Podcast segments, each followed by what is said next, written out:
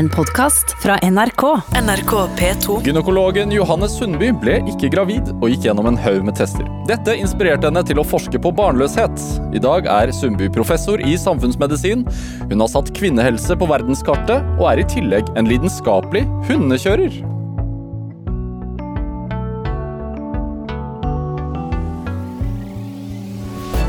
Dette er Drivkraft med Vegard Larsen i NRK P2. Johanne Sundby, varmt velkommen til Drivkraft. Takk for det. Hvordan har du det? Jeg har det bra, bortsett fra at jeg har det litt travelt. Ja, er, Men er, er det en god ting? Jeg liker vel egentlig best at det er travelt, ja. Noen sier at Johan, du må sitte litt mer i sofaen og slappe av, men det sier jeg har noen sett meg sitte og slappe av i sofaen noen gang. Det er ikke min greie. Så det er egentlig bare som vanlig, med andre ord? Som vanlig. Ja. Er det? Altså, ehm, jeg nevnte hundekjøring. Du bor oppe i Maridalen. Ja, jeg gjør det nå. Men jeg skal flytte. Jeg skal flytte på landet med hundene mine. Altså, for Maridalen er ikke landet. Nei, Maridalen er iallfall ikke landet lenger nå, for etter at koronaepidemien kom, så har Maridalen blitt invadert av syklister og turgåere og hengekøyemennesker og andre som vil ut i villmarka, der hvor jeg bor.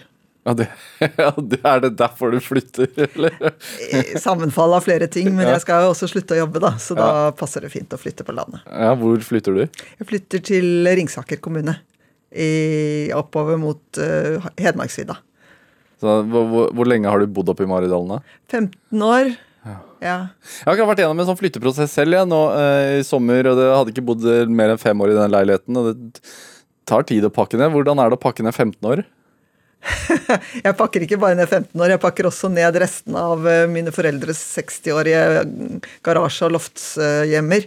Så Nei, jeg har vært flink til å kaste denne gangen, da. Ja. For jeg skal ikke ha med så mye opp til Brumunddal. Jeg har kastet alle selvangivelsene, f.eks. Hvor mange år tilbake i tid? Jeg begynte å jobbe da jeg var 18, så det, eller 19, så det har vært noen, ja. Ja. Hvorfor tar man vare på sånt? Man skal ta vare på dem en stund, da. Men eh, nei, jeg vet ikke. Jeg er, jeg er iallfall ikke noen minimalist. Så antagelig er jeg mer sånn en, eh, en samler som har fått samla litt mer enn det jeg egentlig har behov for. Og når jeg ikke har sett på ting på 20 år, så trenger jeg ikke ta det med videre. Nei. Er det, altså, eh, Du bor der oppe, men du bor ikke der aleine. Du har med deg, eller du bor sammen med masse bikkjer. Ja, altså jeg bor jo sammen med en hel haug med trekkhunder, og det har jeg gjort lenger enn Jeg flyttet dit pga. at jeg hadde pådratt meg disse hundene. Men jeg bor der også sammen med noen eh, Pådratt deg? Ja, egentlig litt. For jeg skulle egentlig bare ha én, og så ble det to, og så ble det fem, og så Ja. Så nå er det tolv. Uh, og så har jeg alltid hatt unge mennesker boende der. De bor der eh, gjerne eh, noen år. Den, den som har bodd lengst, har bodd i åtte. Og de hjelper meg med hundene og kjører hund og er en del av husholdningen min.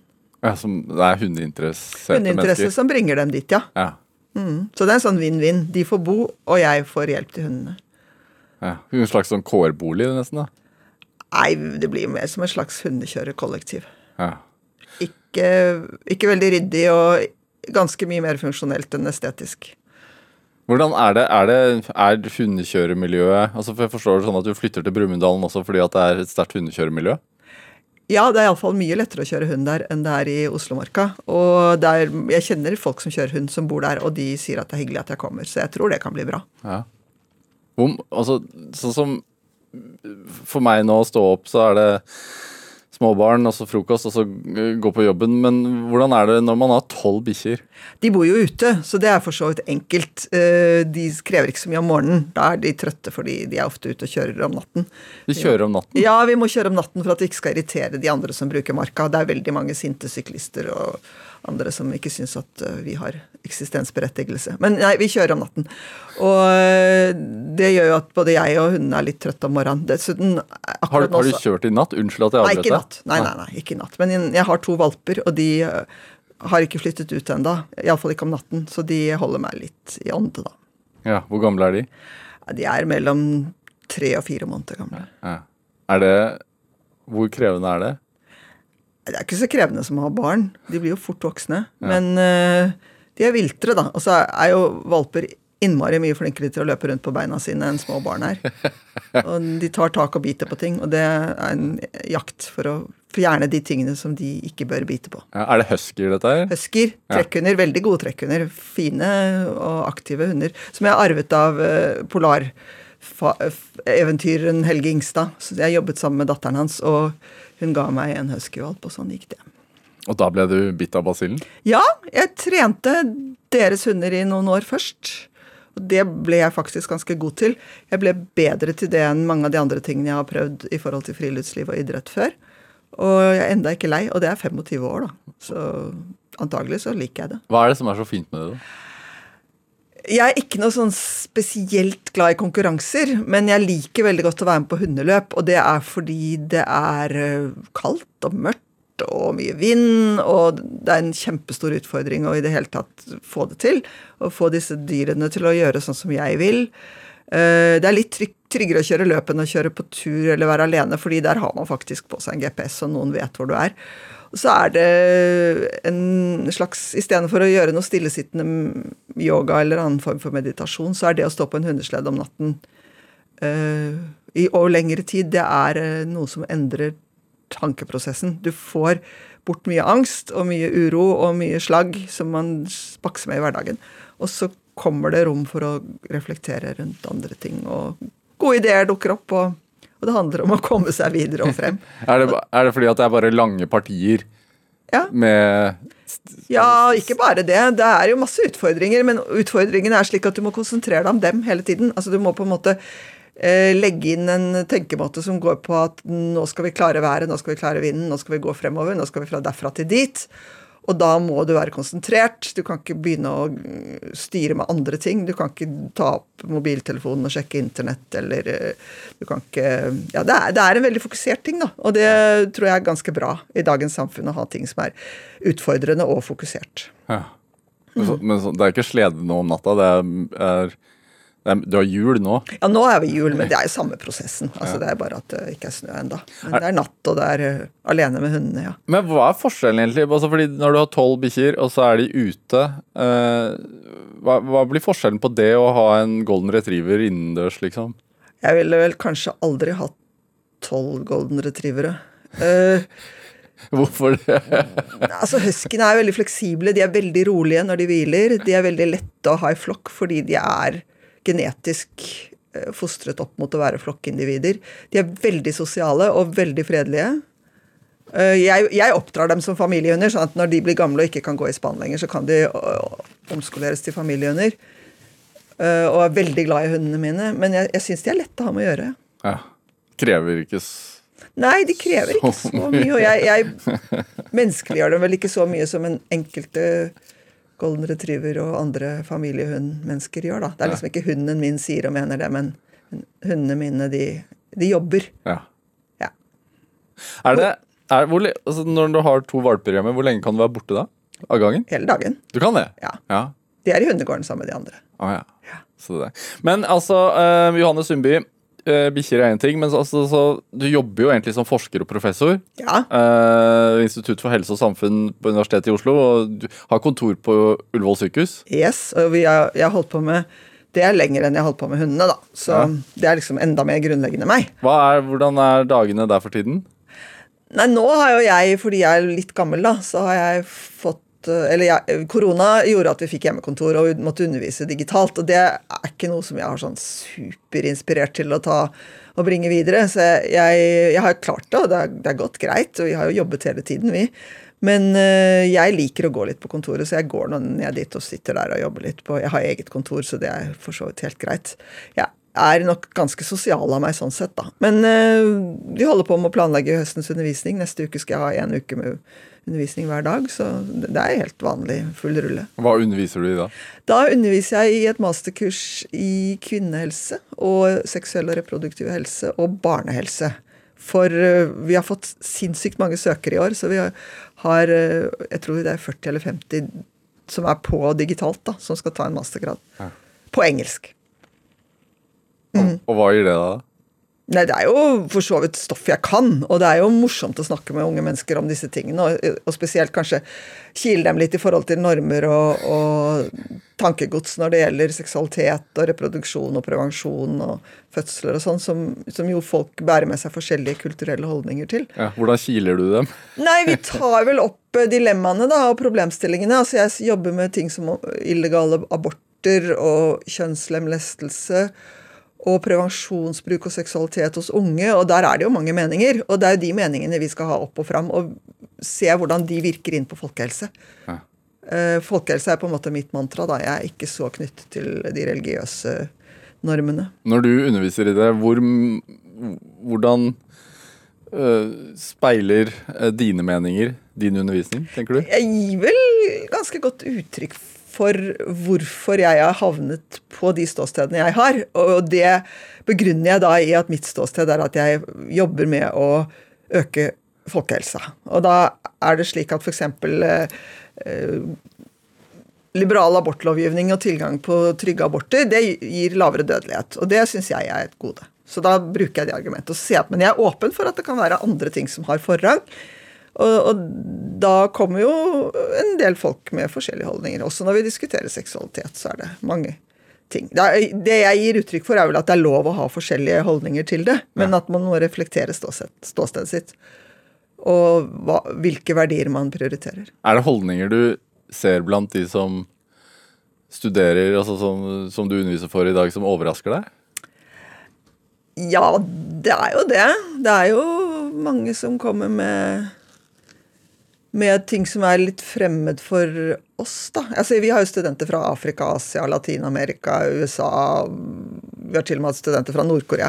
Altså veldig mange forskjellige typer ideologier og veldig mange forskjellige religioner. Ja. Eh, jeg hadde én jente en gang som var fra et, nei, fra et uh, østasiatisk land, og hun sa det at det er ikke nok å bare ha meg her og lære meg om hvordan kvinner kan bli selvstendige. sa hun, Du må ha sikkert 15 eller 20 til fra landet mitt for at det skal nytte. ja. ja. Det er litt sånn. Altså, eh, men du skal snart, som du nevnte også, snart gå, gå, av med pensjon. Det er også noe av grunnen til at du flytter? Ja, jeg skal det. Jeg blir jo så gammel at jeg må. Og, Men blir man ikke professor uh... Jo, man kan bli en sånn emerita, eller ja. Jo da, det kan jeg sikkert bli. Og det, det, er ikke så lett for gamle akademikere å slippe tak i manesjen. Nå har jeg heldigvis en annen arena, da. Men, men litt kommer jeg sikkert til å jobbe videre òg. Men ja, jeg har vært veldig opptatt av å påvirke politiske prosesser, i, både internasjonalt og i Norge, med kvinneperspektivet i medisin og helse. da. Hvordan da? Først så er det jo de forskningsprosjektene jeg har hatt, som har vært uh, kvinnehelserelaterte. Jeg begynte jo med forskning om ufrivillig barnløshet, som var et tema som angikk meg sjøl, men hvor jeg ikke egentlig syntes at fokus på meg sjøl var det viktige, men fokus på alle de kunnskapshullene som var rundt barnløshet. Ja. Så det var jo det jeg tok tak i og, og lagde forskningsprosjekter om, og også skrev bok om. Og så ble jeg nysgjerrig på hva det fenomenet er utafor Norges land, liksom. Og så fikk jeg et prosjekt hvor jeg så på barnløshet i Afrika. Som jo for så vidt var interessant nok i seg sjøl.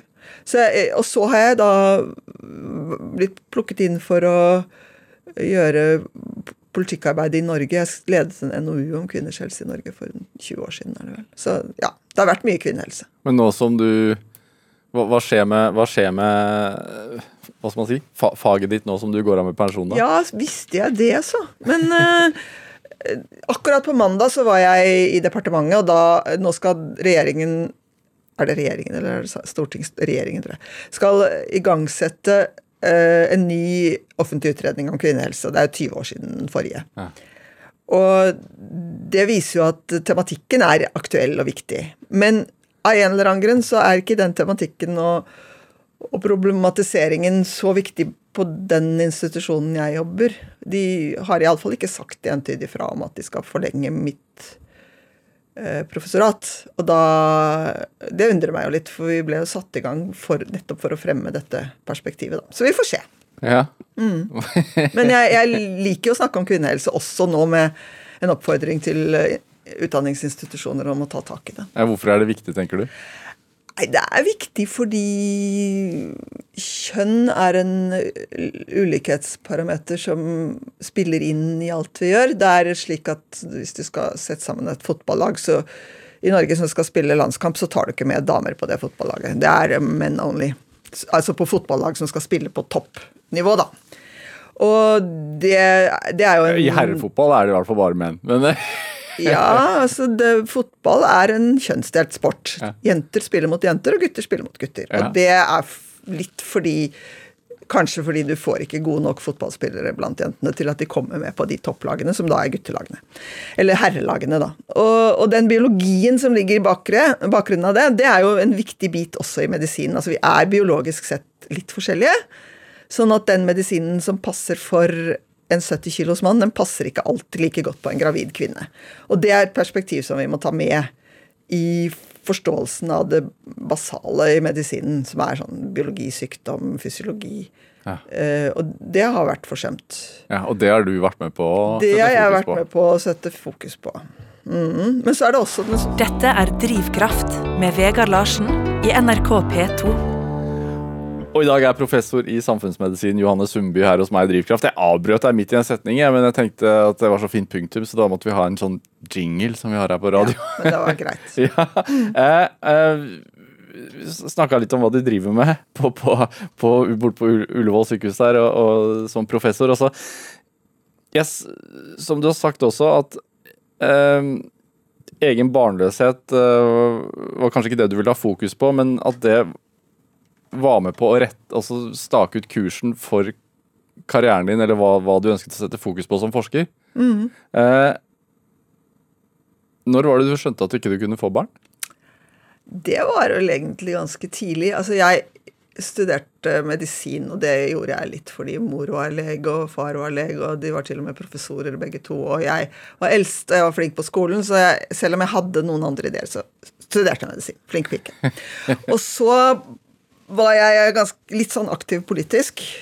Og akkurat på den tiden jeg begynte å studere medisin, så skulle Norge bestemme seg for medlemskap i EC eller EU eller ikke. Og Når var dette her? for å 72. 72 ja. Og så var jeg med i en gruppe som skulle Jeg var med i en gruppe som var mot, da.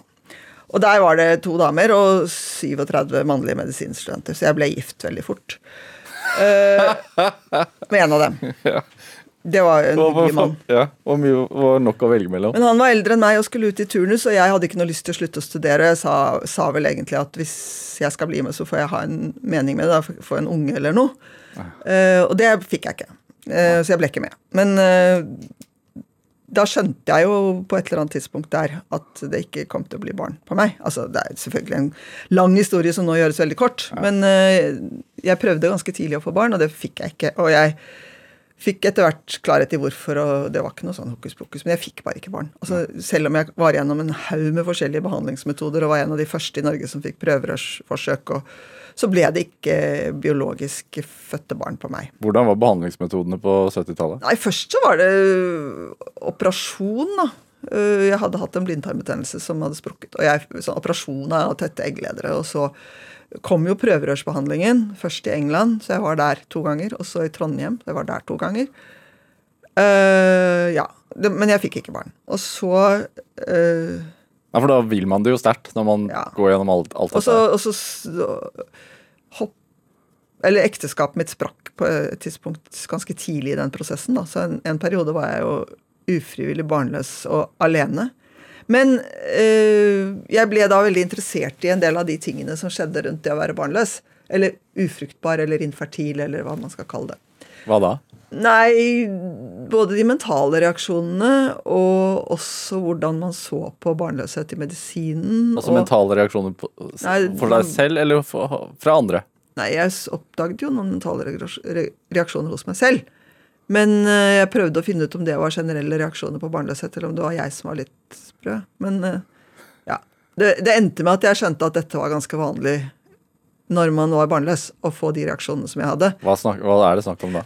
Uro, angst, fremtidsuro, depresjon, opp og ned. Følelsen av å ikke strekke til. Usikker på kvinneligheten.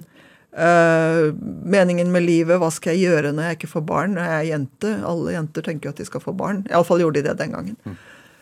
Og så satte jeg meg ned, istedenfor å sutre over det, så satte jeg meg ned og laget et forskningsprosjekt om det. Både om årsaker til barnløshet og konsekvenser. Og det ble en doktorgrad. Ja. Den ble ganske bra. Hva fant du ut? Jeg fant ut at utredningen og behandlingen på den tiden iallfall var usystematisk, og at det var vanskelig å avslutte behandlingen aktivt. De, kvinnene kom liksom inn og gikk gjennom en behandling, og så møtte de mange forskjellige behandlere, og så gikk de ut av det uten noen sånn klar løsning. Så det var én ting jeg tok opp. Og så fant jeg ut at årsakene til barnløshet er, er, eh, er det de er, da. Og en av de mytene som jeg slo hull på, var at stress og uro fører til barnløshet. Det er faktisk slik at barnløshet fører til stress og uro. For det var, det, var, det var, en oppfatning i rute. Det var en oppfatning at ja. hvis du bare stresser ned, så skal du komme til å bli gravid. Ja. Men det, det, stemmer ikke, altså. Det er omvendt. Det er, bare, det er en assosiasjon mellom stress og uro og depresjon og barnløshet, men det er barnløsheten som er årsaken. Ja. Og det fant jeg vel også Iallfall jeg var en av de som påpekte det, da. Og så fant jeg ut at det å være barnløs er en midlertidig uro i livet, men at etter en stund så går det over. Er det sånn for Altså, det er sånn for de fleste? For de fleste. Ja. ja. For de fleste så er dette noe som man blir ferdig med, eller ikke ferdig med, for det blir man ikke, men man, man får et greit liv. Selv om man ikke får barn. Ja. Og det er de som adopterer, og de som får egne barn, og de som får prøverørsbarn, og de som ikke får barn. På sikt så går det ganske bra. Ja. Eller ikke noe dårligere enn med folk flest, da. Men du har ikke levd uten barn i livet ditt? Nei, jeg har ikke det. Jeg fant jo en ny mann jeg da, som var enkemann, og som jeg fant på trappa hjemme. Ja. Og han var også lege, så vi slo oss sammen, og han, hadde, da, han var enkemann med to barn. Og den ene av dem hadde et enormt behov for en ny mor. Han var bitte liten. Så jeg har vokst opp Han har vokst opp sammen med meg. Og søstera hans også, for så vidt, men hun var mye eldre, så det, det, ble liksom mest han og meg, da. Og i og med at den mannen senere hen eh, døde, så, så, har det på en måte vært eh, Jeg har hatt et barn hele veien. Ja. Det, altså, du har skrevet en gang i en artikkel at uh, det i dag altså Det er en stund siden du skrev den artikkelen, men at det i dag føles mindre fremmed å lage et barn i et laboratorium, laboratorium enn å adoptere et barn? Ja. Øh, jeg har jo som en konsekvens av at jeg hadde den barnløshetsopplevelsen selv, så startet jeg en sånn rådgivnings-veiledningstjeneste for barnløse som på en måte hadde gått seg bort i systemet. da, ja. Som ikke hadde fått barn, men som heller ikke kom ut av barnløshetskrisen, og som ikke visste hvor de skulle gå. Og da oppdaget jeg vel at det å adoptere er ikke førsteprioritet for de jeg hadde med å gjøre, da. Eh, det skal veldig mye til at man skal gi opp den der eh, greia med å å gå og få et prøverørsbarn, f.eks., eller eh, til og med utforske muligheten for donasjon. Og mm, mange av de barnløse jeg snakket med, måtte tøye sine egne grenser fordi ønsket om å få eget barn var såpass sterkt at de på en måte aksepterte ting som den vanlige befolkningen ville se på som litt fremmed. Eh, adopsjon er jo blitt komplisert, da, fordi det er færre barn som adopteres bort både i Norge og internasjonalt. Og man blir jo veldig nøye undersøkt før man får lov å adoptere. Jeg f.eks. ble ikke godkjent fordi jeg, altså, jeg kunne få et handikappa barn fordi jeg var lege, men jeg, på den tiden var jeg enslig, da. Jeg kunne ikke få den gangen fordi jeg var enslig. Så, så det å adoptere er uh, forbeholdt noen få, uh, og det er heller ikke så uh, lett å være sikker på at det barnet man får som man adopterer, at det barnet har hatt det bra før man får det. Det er jo mange barn som har blitt adoptert bort fra andre land som det har vært noe med. Uh, og landene er mer og mer opptatt av å ta vare på de barna selv. Så nei, det er ikke så lett å adoptere. Men altså sånn som ufrivillig barnløshet, hva altså, Fant du ut noen årsak? Altså, fin, altså hva er Ja da. Årsaken er helt grei, og den er ikke noe tabubelagt eller noe sånt noe. Jeg hadde sammenvoksner i underlivet pga. en sprukken blindtarm. Ja. Og det burde kunne gå an å løse, men den gangen så gjorde vi ikke altså Av en eller annen grunn så hadde jeg uflaks og fikk ikke barn. Hva, hva tenker du at forskningen din rundt dette har ført til? Nei, den har vel så vidt det er ført til litt mer åpenhet om barnløshet. Ja. Jeg turte jo å stå fram med dette her, det var det veldig mange andre som ikke turte. Og kanskje et litt større fokus på barnløshet som også sosialt og psykologisk fenomen. Og så har det faktisk ført til bedre lover. Altså det er Sakte og sikkert så har prosessen gått videre, sånn at det er flere som har tilgang til behandlingen før. Og det vet jeg at eh, min forskning har vært med på å drive fram, fordi jeg har hatt kontakt med politikere som har villet ha kunnskap som de kunne bruke i mm, politikkprosesser. Hvorfor har det vært så tabubelagt, da? Jeg tror barnløshet er knytta veldig mye til eh, andre tabuiserte intime ting som folk ikke snakker så mye om. Seksualiteten sin, f.eks. Og det er veldig mange menn for eksempel, som ikke har lyst til å snakke om barnløshet. De Da jeg så på det i Afrika, så var, sa mennene men eh, ja, de sier at det kan være menn som er barnløse, men det kan ikke være meg, for min er sterk. Altså, de mener at de har god potens. da. Og, og blander sammen infertilitet og impotens. Ja. Jeg tror ikke norske menn gjør det, men allikevel så er det liksom Man vil ikke ha fokus på den intime biten av livet sitt. Det er veldig mye uh, tabu og skam knytta til barnløshet en dag i dag. Ja. Hvor mange gjelder det, tenker du? Ganske mange som opplever en periode med vanskeligheter med å få barn i livet sitt, men de fleste av dem ender jo opp med barn. Det tar gjerne mer enn seks måneder før de som prøver, blir gravide. Da. Så er det det? Tror folk, Er det ikke litt sånn at man tror at det skal være så enkelt? Jo, men ja, og Og så vi- venter man og venter man til man er gått opp i 30-årene. Altså. Jo, det at man venter så lenge, er jo med på å gjøre at det tar litt lengre tid. Da. Ja. Men, eh, men de fleste altså, Jeg husker ikke akkurat de siste tallene, men jeg tror det er noe sånn som 4 ja, som ender opp som varig ufrivillig barnløse. Ja. Ja. 4 av kvinnene.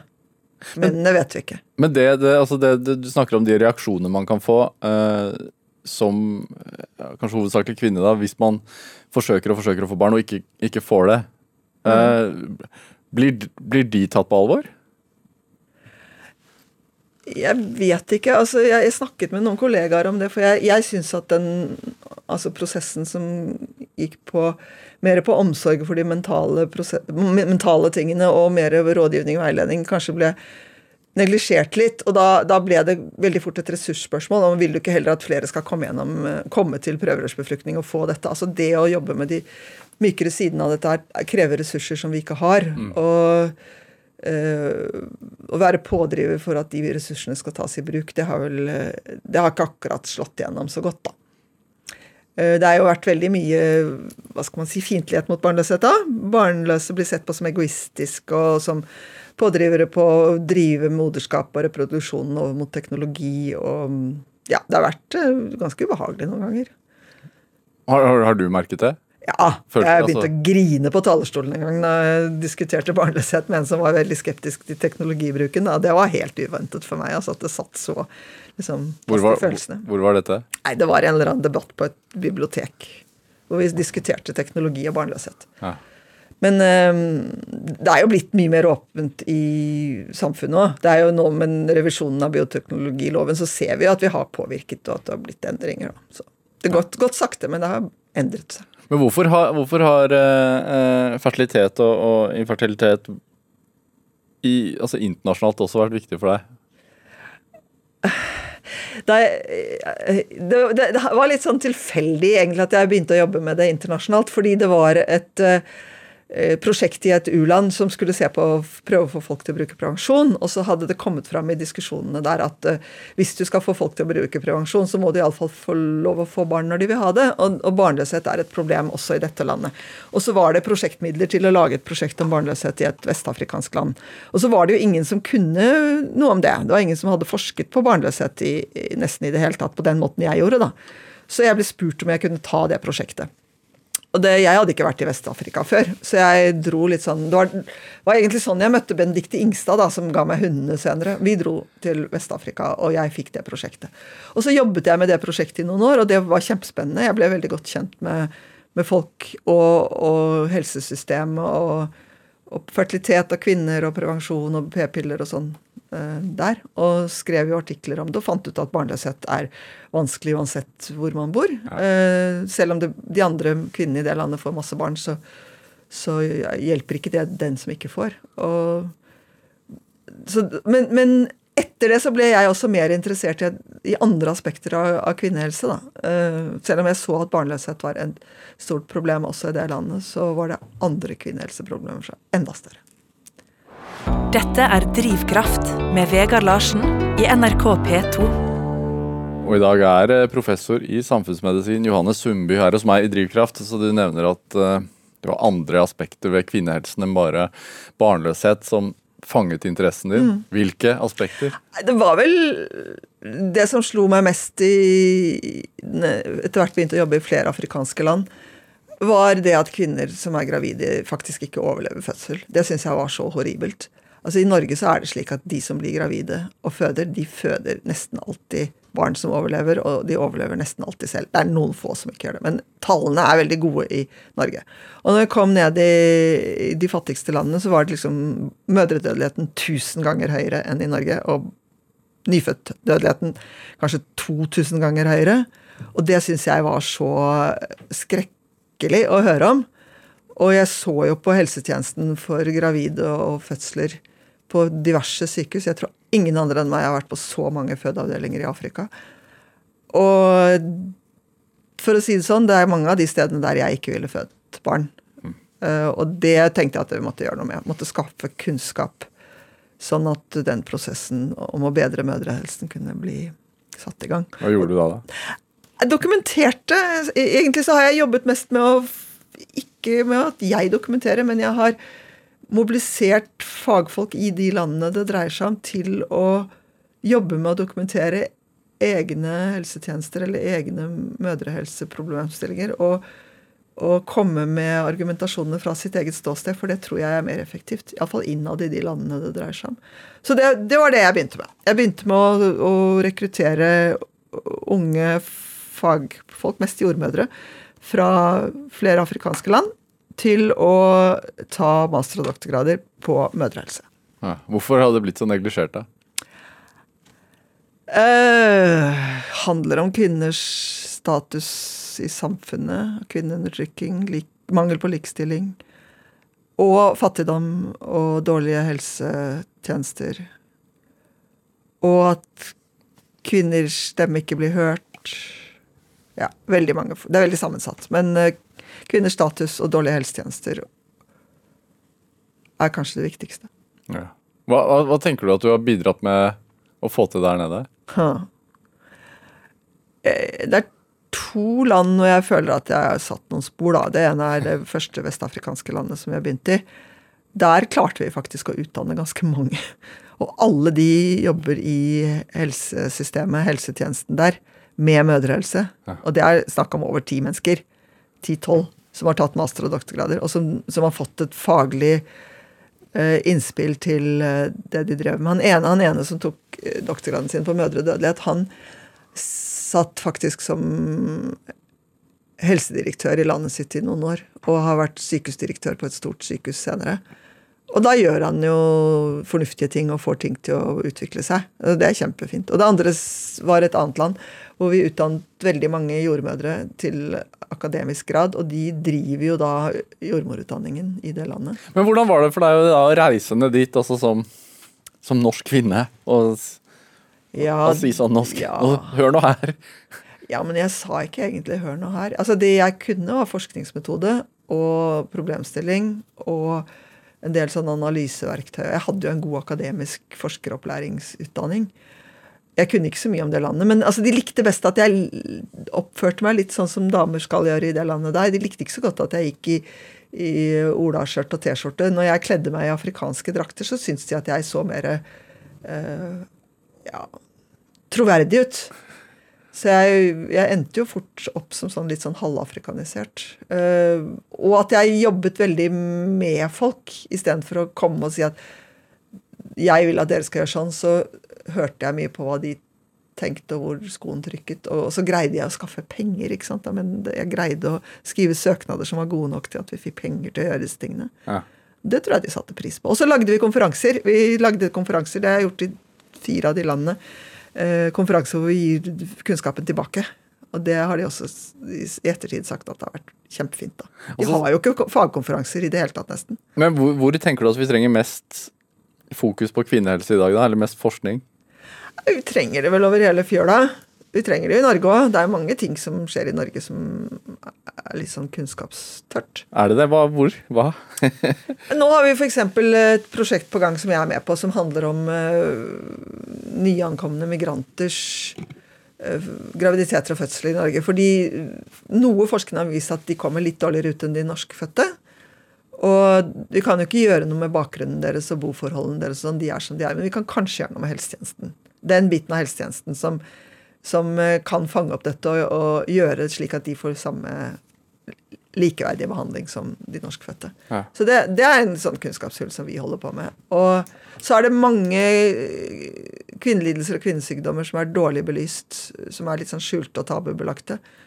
Eh, smertetilstander osv. som vi trenger litt mer kunnskap om. Og så trenger vi faktisk altså mer kunnskap om nettopp det, det kjønnede. Eksempel, i dag så har jeg lest avisen om at det har vært mye motorsykkelulykker i, i sommer.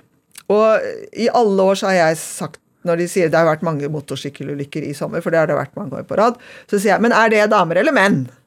Og så kommer de da og så sier de at ja, men altså, uff, ja, nei, det er jo mest menn, da. Så sier jeg men det, det er altså et mannehelseproblem. Og vi kan kanskje lære noe av kvinnene. Ja, men de kjører jo ikke motorsykkel. Jo, de kjører motorsykkel. De sitter på altså Nå i år er det visst et par stykker som er dødd, men allikevel så Så de kjører motorsykkel, men når de kjører motorsykkel, så kjører de det på en litt annen måte. Så det er på en måte et kjønnet problemstilling. Ja. Også trafikkulykker, da. Fordi vi gjør ting på litt forskjellig måte, kvinner og menn. Vi, kvinner kjører mindre motorsykkel, og når de kjører, så kjører de tryggere. Ja vel, ja, men da er det et kjønnet problem. Men, men man hører jo hele tiden om at kjønn Altså Det er hele tiden snakk om at vi må slutte å tenke på kjønn så, sånn sett. Altså vi, vi, er like, vi, er like, får jeg liksom Vi er like på en måte, og så er vi ikke like i det hele tatt. Vi er ja. ikke like biologisk, og vi lever ikke like liv. På enkelte områder. Ja. Og det er de enkelte områdene jeg er interessert i. Det som er, altså Forkjølelse er nokså likt hos menn og kvinner. Men eh, f.eks. nå i koronaepidemien, da, så viser det seg at kvinner i Norge de har dødd mindre enn før. Pga. koronaen. Eller ikke pga., men under koronaen. Pga. koronaforhåndsreglene. Så har dødeligheten blant kvinner i Norge gått ned. Ja, det? er ganske interessant. Nei, Det lurer jeg også på. Men jeg tror det kommer at kvinner er flinke til å å gjøre sånn som man blir fortalt. F.eks. For så er kvinner flinkere til å bruke munnbind enn mennene når det først er pålagt dem, osv. Mm. um, Johanne Sundby, du har med musikk. Du har med noen Beatles-låter med. Uh, ja. Blackbird, hvorfor nettopp det? Uff, jeg vokste opp med Beatles. Jeg var i, på verdenspremieren på Help i London sammen med mormoren min. Med miniskjørt og nettingstrømper. Jeg må jo høre på Beatles. Ja, Hvorfor den låten? Den er så nydelig. Og, og, og, og sånn deilig kort. Ja. ja. La oss høre.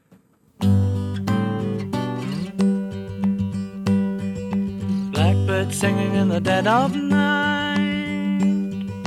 Take these broken wings and learn to fly.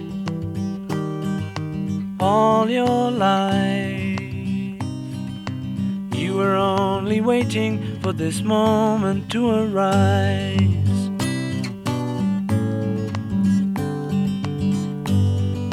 Blackbird singing in the dead of night. Take these sunken eyes and learn to see all your life. You were only waiting for this moment to be free. Blackbird fly.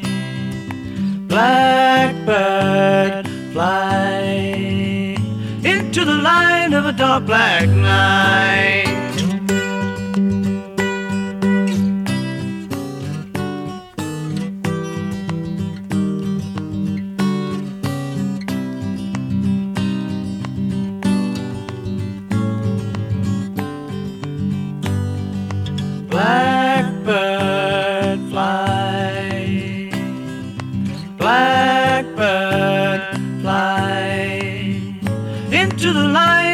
Black night.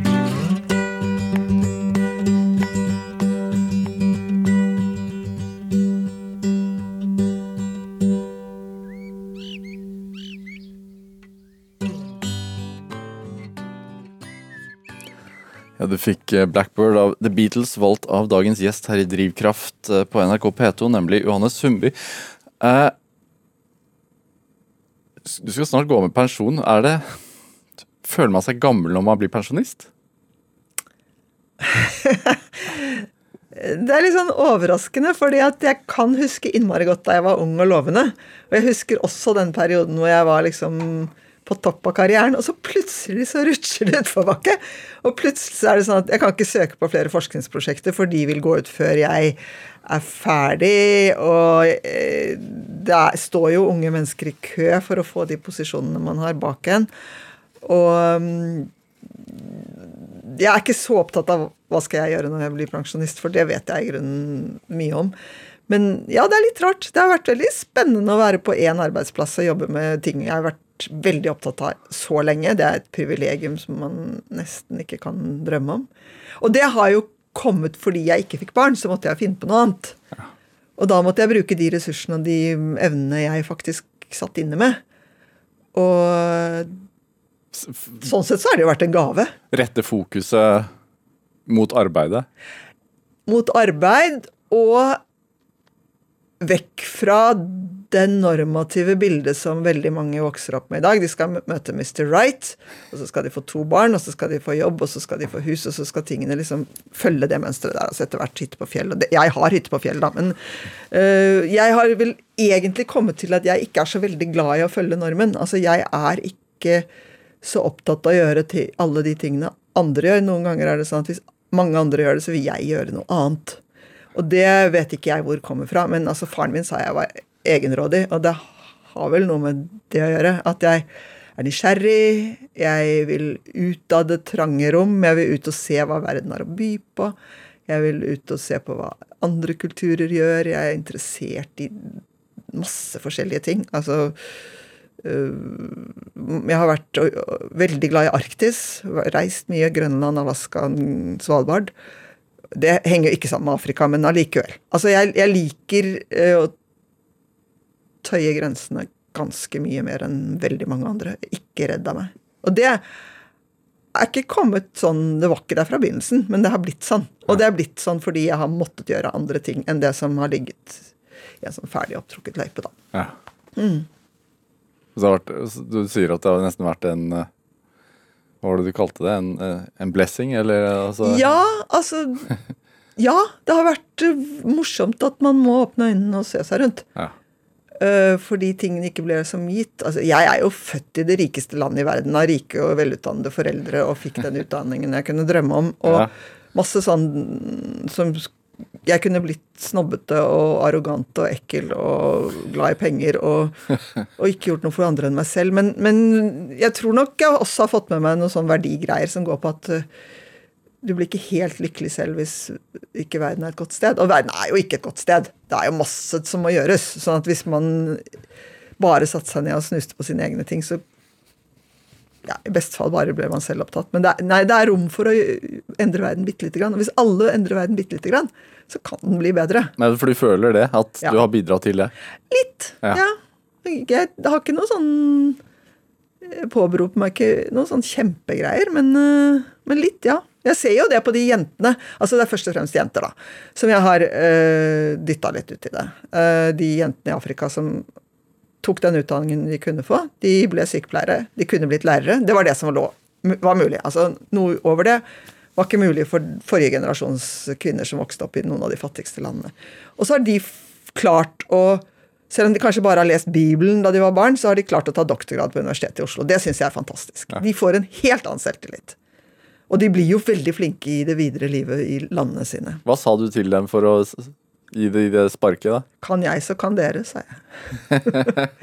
det, er, det går an. Altså, det finnes faktisk eh, det finnes faktisk en vei fremover. Det finnes eh, opptrukne stier også innenfor doktorgradsløp som man kan gå. Og jeg skal hjelpe dere Ja. dit. Uh, ja. Og det har gitt deg mye, fordi så, sånn som du sa tidligere også, du har jo en, eh, bor oppe i Maridalen med masse bikkjer, og der har du unge mennesker som Ja. kommer for å Så det har det er, Du har hatt unge mennesker rundt deg Ja, til enhver tid. ja jeg har det. Hva, hva gir det? Det er morsomt å se at disse jentene får det til, da. Eh, litt tilfeldig at det har blitt jenter, men altså, det kunne, jeg har jo veiledet gutter, eller menn, da, også. Så det, det er ikke sånn at jeg kan bare veilede eh, jenter. Men, men hundekjøring og, og bo i, i Maridalen og studere og kjøre hund ved siden av, det, det har vært én gutt, og så har, nei, to har det vært. Og så har det vært en del jenter. Og de har vært kjempemorsomt å jobbe med, for de har jo virkelig fått det til. Altså, av de jentene som har bodd hos meg, så er det vel en, to, tre, fire stykker som har kjørt Femundløpet eller Finnmarksløpet. Den ene har kjørt Finnmarksløpet to ganger. Og dessuten så har to av dem nå gått sammen og laget eh, en kjempefin strikkebok som kom ut for et par dager siden. Med, med bilder av hundekjøring og flotte gensere. Og de driver med hundekjøring og utdanning videre. Og en av dem skal gå Norge på langs. Og de, de, de gjør ting som eh, heller ikke er hva skal man si, mainstream eller hovedløpet for jenter. De blir selvstendige og blir flinke i friluftsliv og tar egne valg, og det Jeg syns jo jenter skal det. Ja. Jeg syns jo det er en flott måte å være kvinne på i dagens Norge. De, har- de har nok vært litt sånn helt fra starten av òg. Jeg, tror er- jeg tror ikke jeg har fått rosabloggerne inn hos meg. Men altså sånn, du, du nevner ta egne valg og gå sine egne uh, stier. altså uh, Du nevnte jo så vidt her at begge foreldrene dine er jo leger. Eller var Ja. leger. Ja. Ja. Og du ble det selv. ja. Ja. Hvordan var det? altså var det, er, Stemmer det at du vokste opp så å si på et sjukehus? Først, på Gaustad sykehus, og så på Rikshospitalet. ja.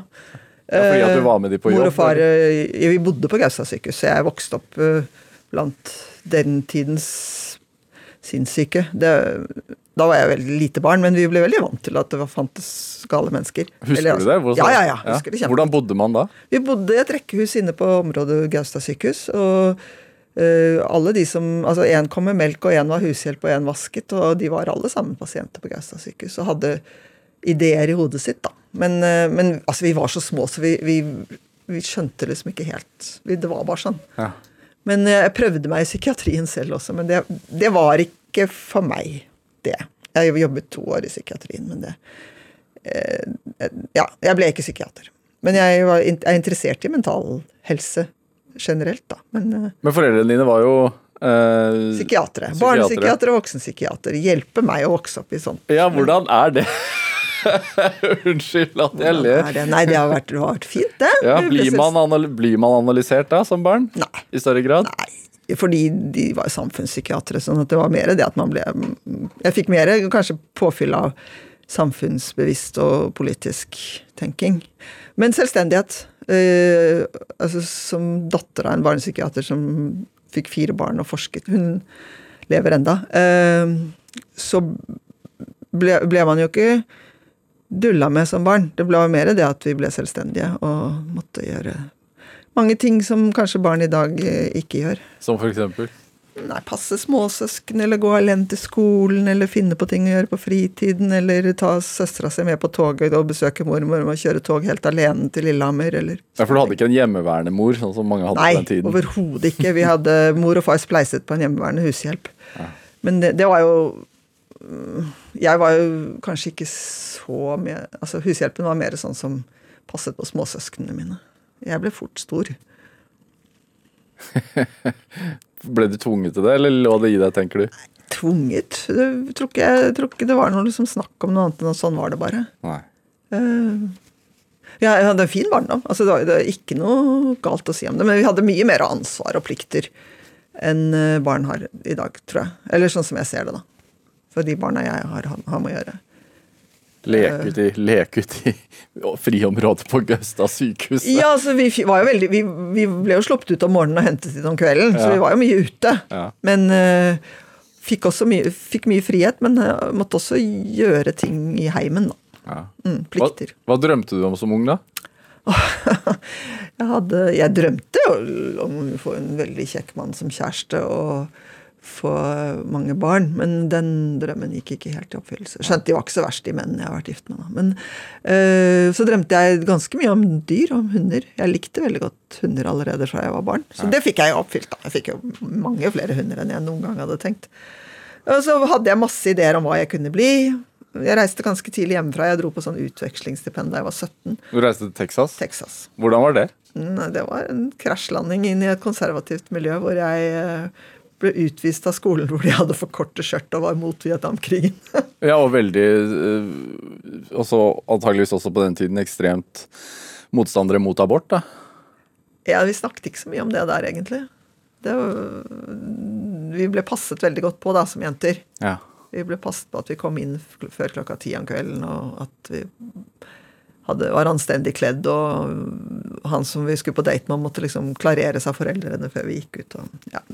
Men så hadde, var det jo hippietid samtidig, sånn at dette var i 69. Og det var jo også Jeg, jeg kom til USA to dager etter Woodstock.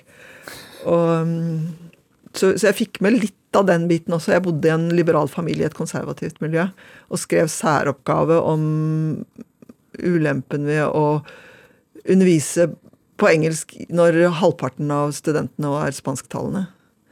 Eh, Den, den, det var en av de tingene jeg ikke brant, faktisk. Det var den gamle særoppgaven. Ja. Mm. Hva, hva Nei, det, det er jo Det var jo et, parad, et paradoks, da. Et ja. sånn, Så du var politisk engasjert på et vis allerede den gang? Ja, Ja. Det, det var jeg.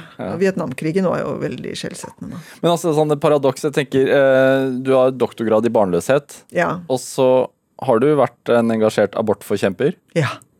Det er jo det er et dilemma, er det ikke det? Eller er det ikke det? Nei, jeg syns ikke egentlig det. Jeg syns at det å få barn eller ikke få barn er noe man må Velge bestemme sjøl. Og jeg syns man skal få hjelp til å få barn hvis man ikke kan det. Og jeg syns man skal få hjelp til å ta abort hvis man ikke ønsker seg det fosteret man bærer på.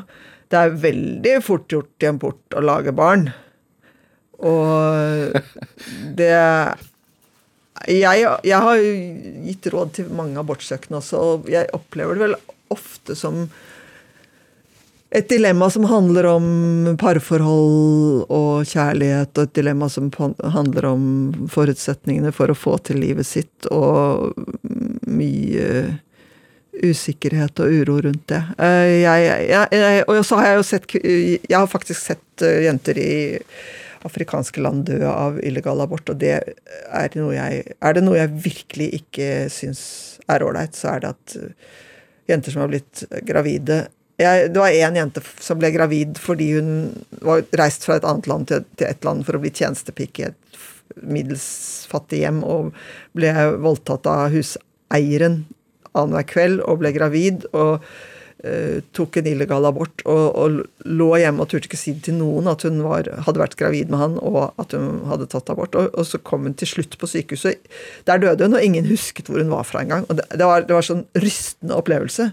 Så jeg tenker at uh, hvis man kan spare slike liv, så, så gjøre det systematisk og med kunnskap, så Ja. Var du på sykehuset der, da? ja. Ja. Mm, det var det. Så vi satte i gang et forskningsprosjekt om illegal abort i det landet senere. Hvilket land var det? Burkina Faso. Ja. Førte det til noe, da? Ja, det førte til en stor konferanse om abort i Burkina Faso, pluss en del doktorgrader, og, og at det, man, fikk bedre grep om helsetjenester rundt abort. Altså at folk som har tatt abort, illegal abort, eller som eh, ønsker seg abort, at de får tilgang på helsetjenester. Selv om det ikke er lov å ta abort i Burkina Faso, så får de tilgang på helsetjenester. Ja. Og det tror jeg er Ja. Det, det er jeg ganske stolt av, ganske fornøyd med. Det er ikke bare altså Jeg var, spilte vel ikke så stor rolle i akkurat den prosessen, men jeg var med å dytte, da. Ja. Tenker du da at sånn som når, når du skal pakke ned kontoret og gå med person, at det, du har gjort ditt, eller er det Det er mye igjen! Ja, det er ikke sant? Det er Men det. det er jo mange flinke unge mennesker som kan ta det, de greiene. Og verden er jo litt annerledes enn da jeg begynte. Uh, jeg føler meg liksom ikke så fryktelig gammel i huet. Eh, jeg tenker at jeg har ting å fare med og Er det ikke sånn som for, altså Når man er forsker og, og professor og sånn Er det ikke liksom stadig nye ting man vil Jo, men det er jo også en annen tenkemåte blant de som er vokst opp senere enn meg selv. Eh, Det er morsomt å snakke med dem, for det er ting vi ser litt forskjellig på. Det er noen av de tingene som noen av de unge tar for gitt, som for oss var kampsaker. Og for eksempel, da jeg begynte å studere medisin, så var vi nesten ikke jenter i det hele tatt på studiet. Nå er det jo nesten bare jenter. Ja. Og, og det er jo en kjempestor forandring. ja, det, de jo- der, der, Jeg tenker jo da da må det gjøres noe i andre Ja, men, men det, er, ikke sant? Det skal ikke bare være jenter, det skal være jenter og gutter eller kvinner og menn. da. Ja. Og vi, Det er jo liksom likestilling, ikke likhet, men likestilling som skal være målet. Og vi er ikke likestilt i Norge enda da, men det, det er jo liksom både veldig kjønnsdelt og på noen områder veldig mye mer likestilt enn før. ja. Ja, Men nå blir det jo deg og hundene, da, i ja det blir meg og hundene. er det liksom er, er Finnmarksløpet det neste målet? kjørte jeg Finnmarksløpet for et par år siden og kom ikke til mål. Eh, Jeg, hadde, jeg var litt stressa og deppa utafor før jeg startet, og det skal man ikke være når man skal kjøre hundeløp. Da skal man være glad og ha overskudd. Jeg, jeg veit ikke om jeg har lyst til å kjøre Finnmarksløpet en gang til. Jeg har lyst til å kjøre noen litt kortere løp, fordi eh, da trenger jeg ikke å trene så mye. Altså Det er ikke nødvendigvis det at eh, løpet må være så tøft som er, som er De kan jo være tøffe, de korte løpene òg, men de er ikke så lange. og da behøver man ikke å trene så sinnssykt mye som det vi har gjort opp gjennom årene. Da. Hundene mine har jo gått åtte ganger i Finnmarksløpet. Og fem av dem har jeg kjørt. Hvor, lang, hvor langt er Finnmarksløpet, for de som ikke vet? Nå er det blitt 60 mil på det. Jeg kjører med 800, da. Ja. Så det er 60 mil. Det er, det er mye, altså. Det er som å kjøre fra Trondheim til Namsos, liksom. Nei, fra Oslo til Namsos Ja. via Trondheim Ja. eh, med Hønespann. Det det er langt, ja. Og det er mange dager. Ja, det er mange dager og netter. ja. Men hva, hva, hva skjer når man gjør det der? Altså hva Nei, det Når man kommer i mål, så er det iallfall en kjempelykkerus. Da blir man jo så høy i flere uker etterpå. Men eh, det er kaldt, og det er mørkt, og det er uh, usikkert, og det er fantastisk. Og det er uh, nordlys og måneskinn og stjerner og, og vind og um, Kjempegod kommunikasjon med dyr som, du, som egentlig er dyr, men som du tenker at de skjønner akkurat hva du mener og vil. Så det er litt sånn eksistensialistisk. Man kjenner at man lever på et vis? Eh, Til de grader. Men noen ganger så er det kaldt, da. Noen ganger så fryser man så nesten blir gal og blir trøtt. Ja.